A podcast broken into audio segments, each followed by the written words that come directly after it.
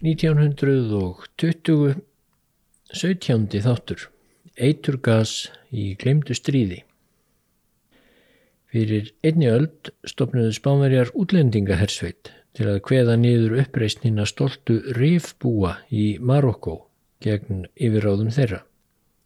Spánverjar gripu til hinn að ræðilegustu glæpa til að knésétja skeruliða fóringjan Abdel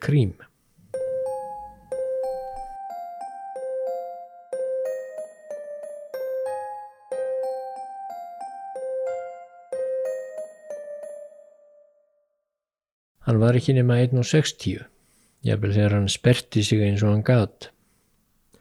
Það þótt ekki mikið fyrir mann sem ætlaði sér frama í herliði og hann var allur svona heldur rindilslegur.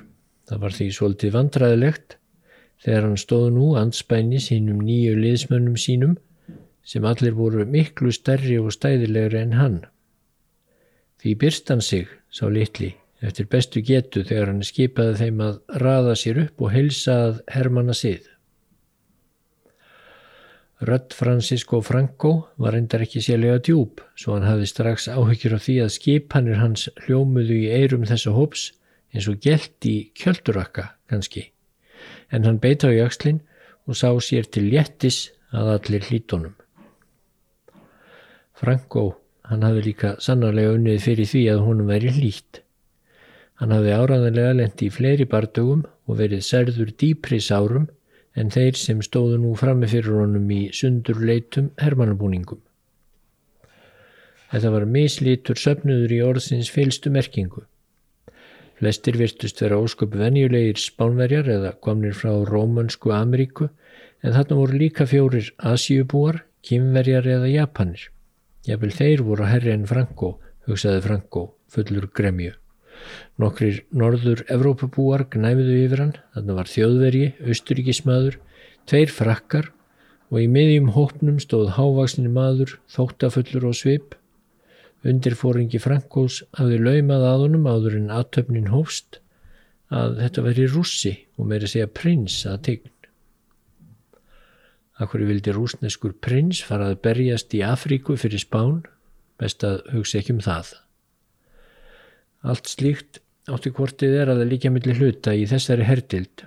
Þeir sem skráðu sig í Tercio de Extranieros átt að geta treyst því að fortíðin er því skilin eftir utan við herbúðirnar, hvað svo sem þeir hefðu í farteski sínu frá umheiminum, einveru, útskúfun, annarlegar kvöldstundir, eld, járn eða sundurhagna rót.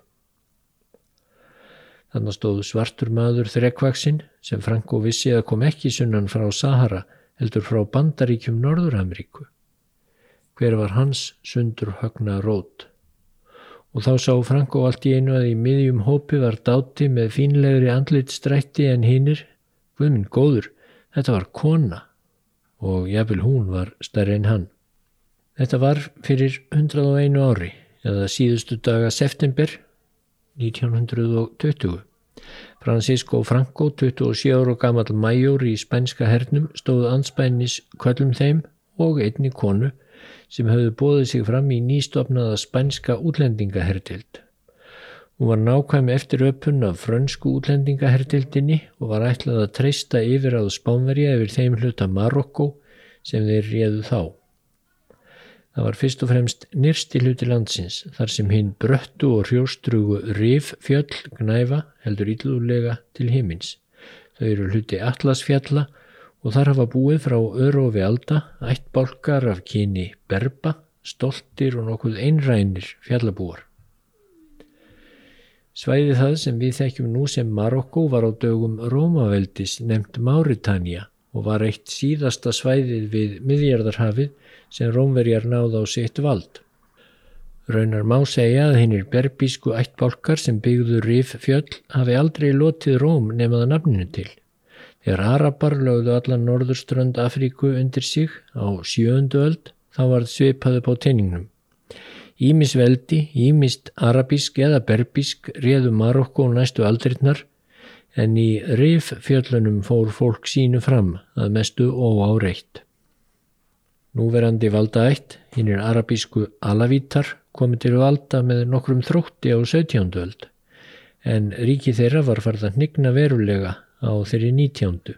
Ekki síst eftir að frakkar lögðu undir sig allsýr og þar með rofnaði að miklu leiti samband Marokko við önnur muslimaríki austar við miðjörðarhafið. Berbarnir í bæjum og þorpum rifjalla letu sig þá oftast litlu varða stjórn alavíta. Þeir syndu sínu í fjöllunum eins og fjallabúar gera gætnan og fátítt varað hvort heldur arabar eða ferðamenn þyrðu langt upp í fjöllin en það algengt að aðkomu fólk væri einfallega tekið af lífi. Spánverjar, nágrannar Marokko búa handan Gibraltarsunds, urðu heimsveldi í kjölfar landafunda sinna á 16. og 17. höld. Þeir hafðu þá kastað eign á nokkur svæði á Marokkoströndinni.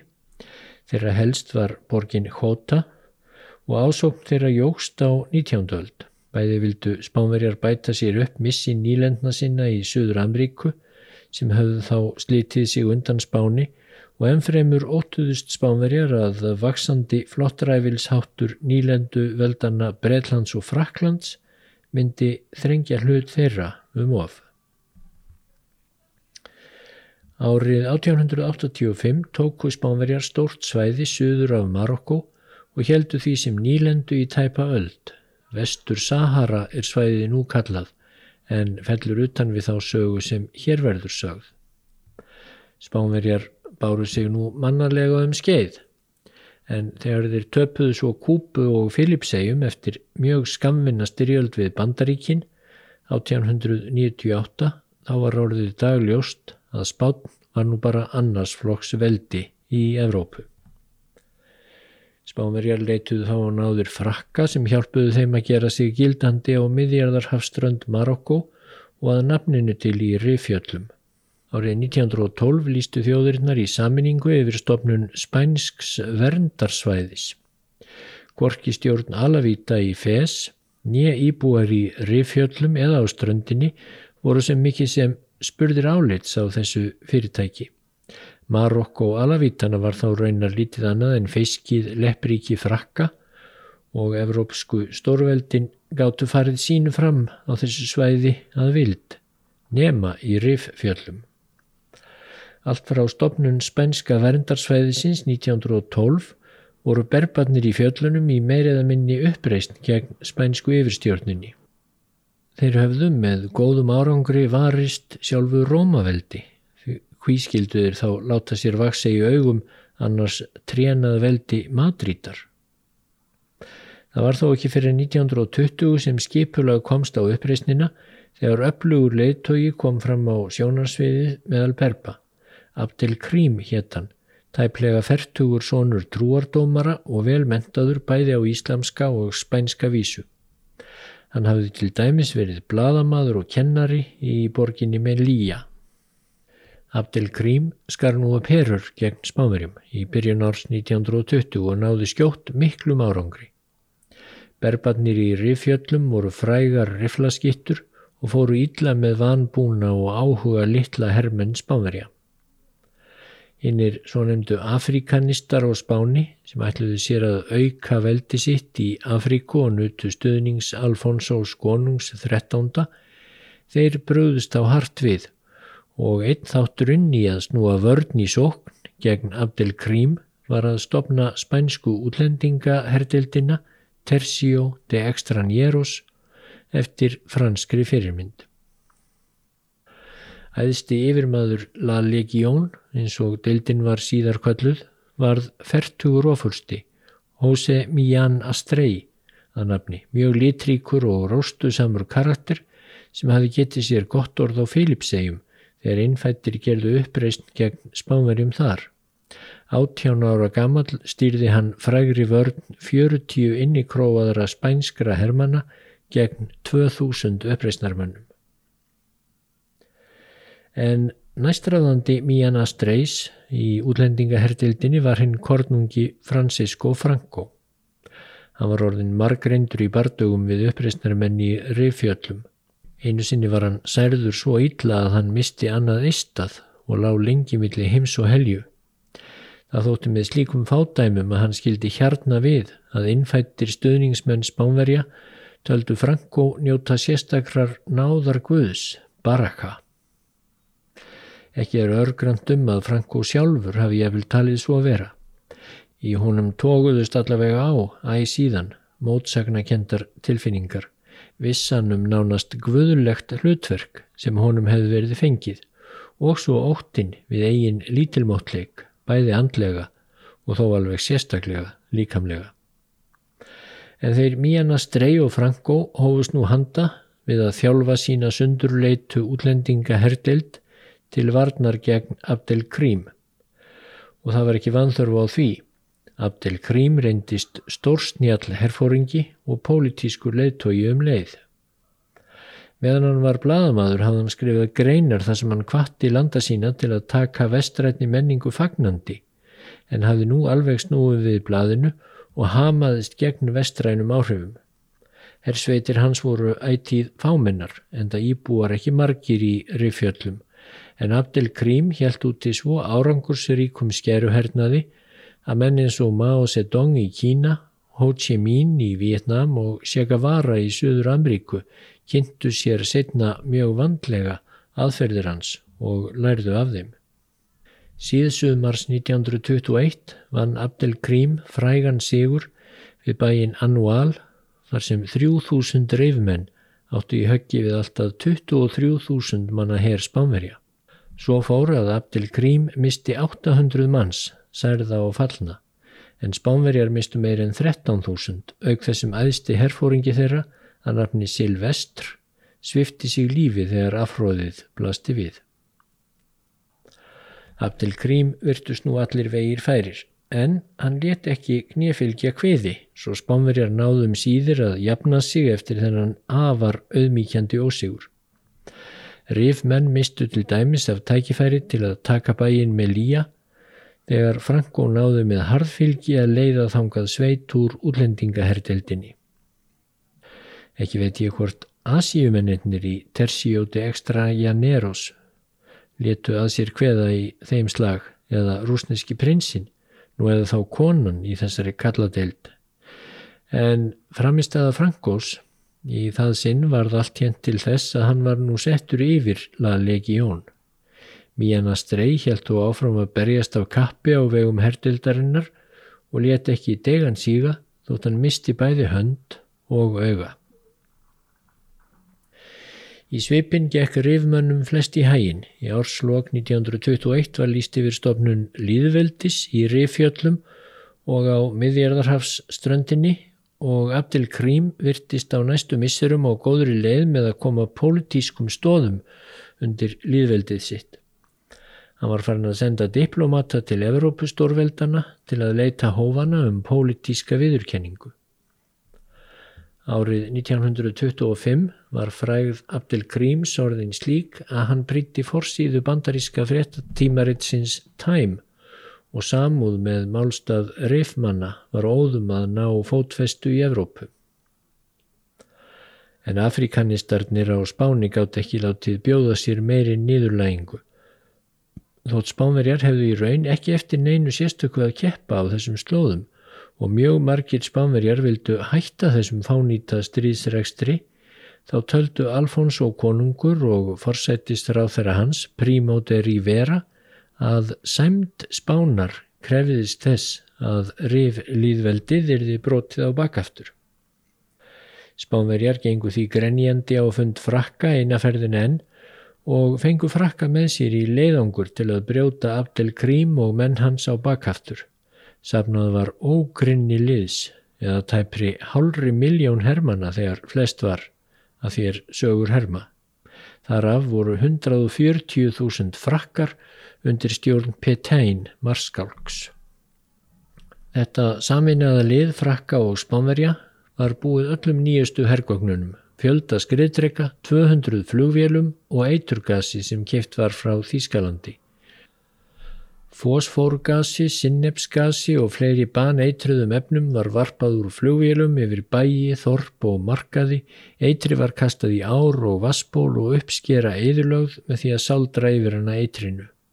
Sagt er að jarðvegurinn víða í rifjöllum beri þess enn merki kvílikum ókjörum af eitri var beitt í þessu stríði og ímis krabbamein munu enn tíðari á þessum slóðum en eðlilegt getur talist. Fregnir um eitur árásir voru hins vegar af spánverjum, kallaðar ómerkilegur áróður rifmanna og falsfréttir og því trúður endar flestir á Vesturlöndum. Var ekki spátn síðmenningaríki, spurðu grandalöysir vesturlandabúar, vart færið svo að sann Kristinn þjóð að verða svo fyrsta til að beita efnavopnum gegn óbreyttum borgurum. En jú, þetta gerðu spánverjar og þúsundir óbreyttra borgara léttu lífið. Þeir glæpir sem Spænska ríkið framdi í riffjöllum þessi misserinn voru lengi og erreinar enn feimnismál sem helst ekki má minnast á. Síðast árið 2018 neituðu spánverjar að byggjast afsökunnar þóttir viðurkendu með semingi aðtæfið. En gegn hinnum fjölmenna herr Spánverja og Frakka 1925 gatt Abdel Krím aðeins telt fram nokkur þúsund þokkalega vopnuðu mönnum svo varnir rifmanna brustu fyrir en varði. Í mæ 1926 sá Abdel Krím þann kost einan að gefast upp til að hindra frekara mannfall og árið setna lauk síðustu ansbyrnu rifmanna. Abdel Krím var fluttur í útlegð til fransku smá eigarnar Reunión á Einlandshafi eftir að hann neittist til að gefast upp. Þar bjóðan í vellistingum í 21 ár en síðan í söður Fraklandi og loks í Egiptalandi. Árið 1956 fekk Marokko sjálfstæði undan frökkum og Alavíta kongur bauðunum þá heim aftur. En Abdel Krím neytaði að koma fyrir en frakkar væru líka á brott frá Allsýr. Það gerðist 1962 en þá var Abdel Krím orðin áttræður og veikburða svo hann sneri aldrei heim aftur. Hann lést árið setna 1963 en Franco var meðal þeirra sem hæst rósuðu Sigri og eh, hann var í kjálfar Sigursins í stríðinu við Rif líðveldið orðin hersöðingi aðeins 33 ára gamal og þá dyrðist engin lengur að vekja máls á því hver lágaksinn hann var. Franco gerðist brátt einn af helstu mönnum hins reglulega hers spænska ríkisins en útlendingahersveitin satt áfram yfir hlut rifmanna í Marokko. Afrikanistar á Spáni þóttust nú heilmiklir kallar en ekki gagnaðist þessi sigur þeim lengi. Bæði Rivera fórsættistur á þeirra og Alfonso Kongi var ítt frá völdum 1930 til 31 og vinstri stjórn tók við. Þá hófst svo sorgarsaga sem endaði árið 1936 Þegar Francisco Franco flutti með hjálp Hitlers og Mussolinis Afrikuherrin og síðan útlendingahersveitina yfir Gibraltarsund og til Spánar þar sem hann hóf borgarastrýði í nafni fasisma og þó fyrst og fremst til að staðfesta eigin virðingu og dýrð. Hann varð grimmur einræðisherra Spánar allt frá 1939 til dauðadags 1975. Hann var svo harðaniskjulegur og þvermóðsku fullur að meira segja Adolf Hitler blöskraði. Hitler sagði eftir að hafa átt í viðræðum með Franco að frekar vildi hann láta draga úr sér allar tennurnar en að eiga samskipti við þennan mann.